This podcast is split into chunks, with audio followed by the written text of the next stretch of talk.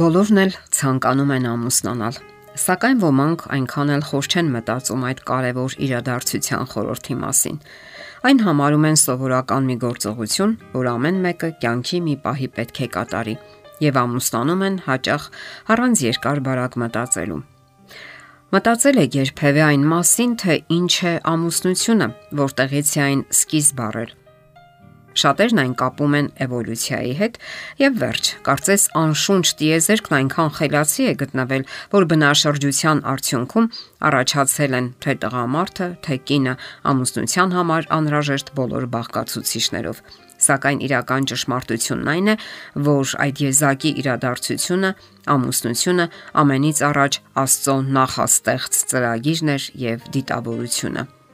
Աստվածաշնչում կարդում ենք. Եվ Տեր Աստված ասաց. Լավ չէ որ մարդը միայնակ լինի, նրան մի օգնական շինեմ իրեն հարմար։ Ամուսնությունը Աստծո ծրագիրն է, եւ դրա մեջ Աստվածային խորուրդ կա։ Այն արարչագործության պատմության կարևոր մասն է։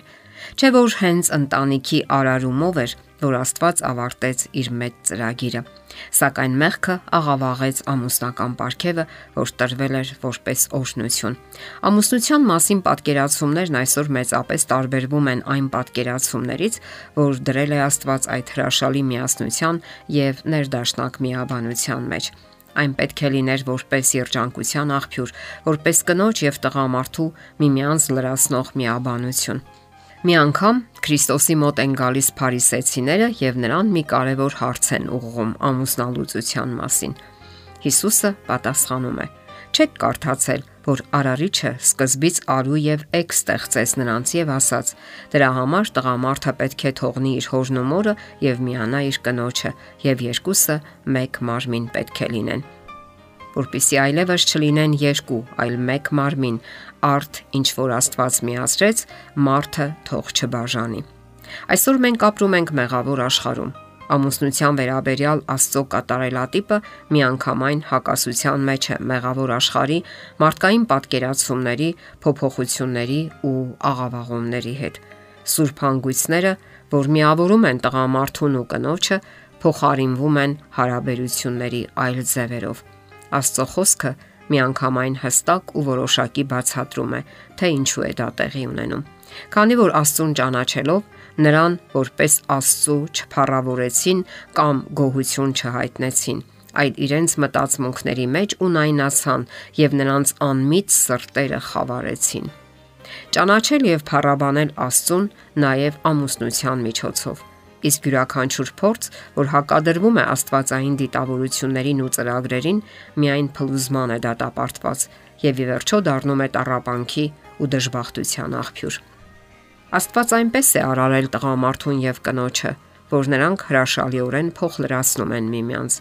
իրենց ֆիզիկական, մտավոր, հոգեվոր ու հոգեբանական առանձնահատկություններով Նրանք տարբերվում են թե ֆիզիկապես, թե մտավորապես եւ թե հուզական դրսևորումներով։ Շատերին գուցե տարօրինակ թվա, սակայն իրականում այն հրաշալի է, որովհետեւ տղամարդն ու կինը փոխ լրացնում են միմյանց եւ կարող են ապրել մի ողջ կյանք առանց հոգնելու եւ ձանձրանալու սիրելով միմյանց, ապրելով միասին, կիսվելով եւ կիսելով կյանքի դժվարությունները։ Ամուսնությունը ըստ Աստծո դիտավորության կոչված է լինելու հուզական, հոգևոր եւ ֆիզիկական միասնության օրհնությունների մի ամբողջ շարք։ Այն կոչված է լինելու օրհնություն նաև այն հասարակության համար, որի մեջ նրանք ապրում են։ Առողջ երջանիկ ամուսնությունը հիմնված աստվածային սկզբունքների վրա վեհացնում է եւ առողջացնում հասարակությունը։ Իսկ եսասիրությունն ու անբարոյականությունը առաքինության կորուստը միայն անեծք են հասարակության համար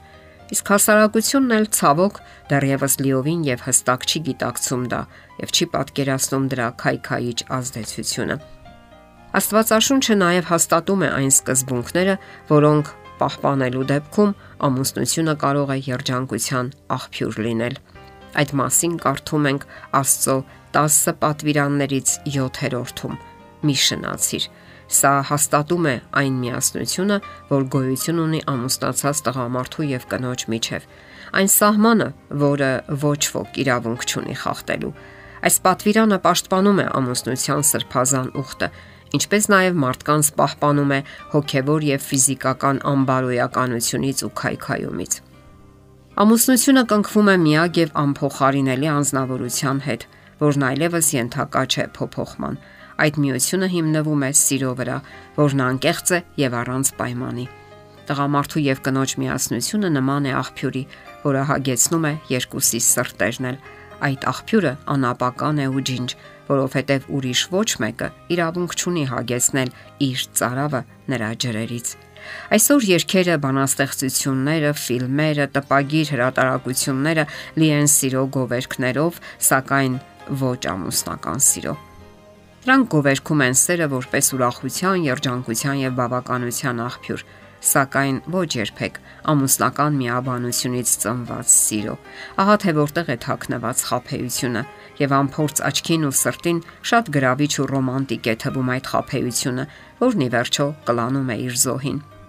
Դե ինչ, դարձյալ մտորեք ամուսնական ուխտի եւ Աստվածային մեծ ծրագրի մասին, ծրագիր, որը միայն վեհացնում եւ մեծ բավականություն է պատճառում մարդուն։ Այդպիսին պետք է լինի ամուսնությունը։ Եթերում է ղողանջ հավերժության հաղորդաշարը։ Հարցերի եւ առաջարկությունների համար զանգահարել 033 87 87 87 հեռախոսահամարով։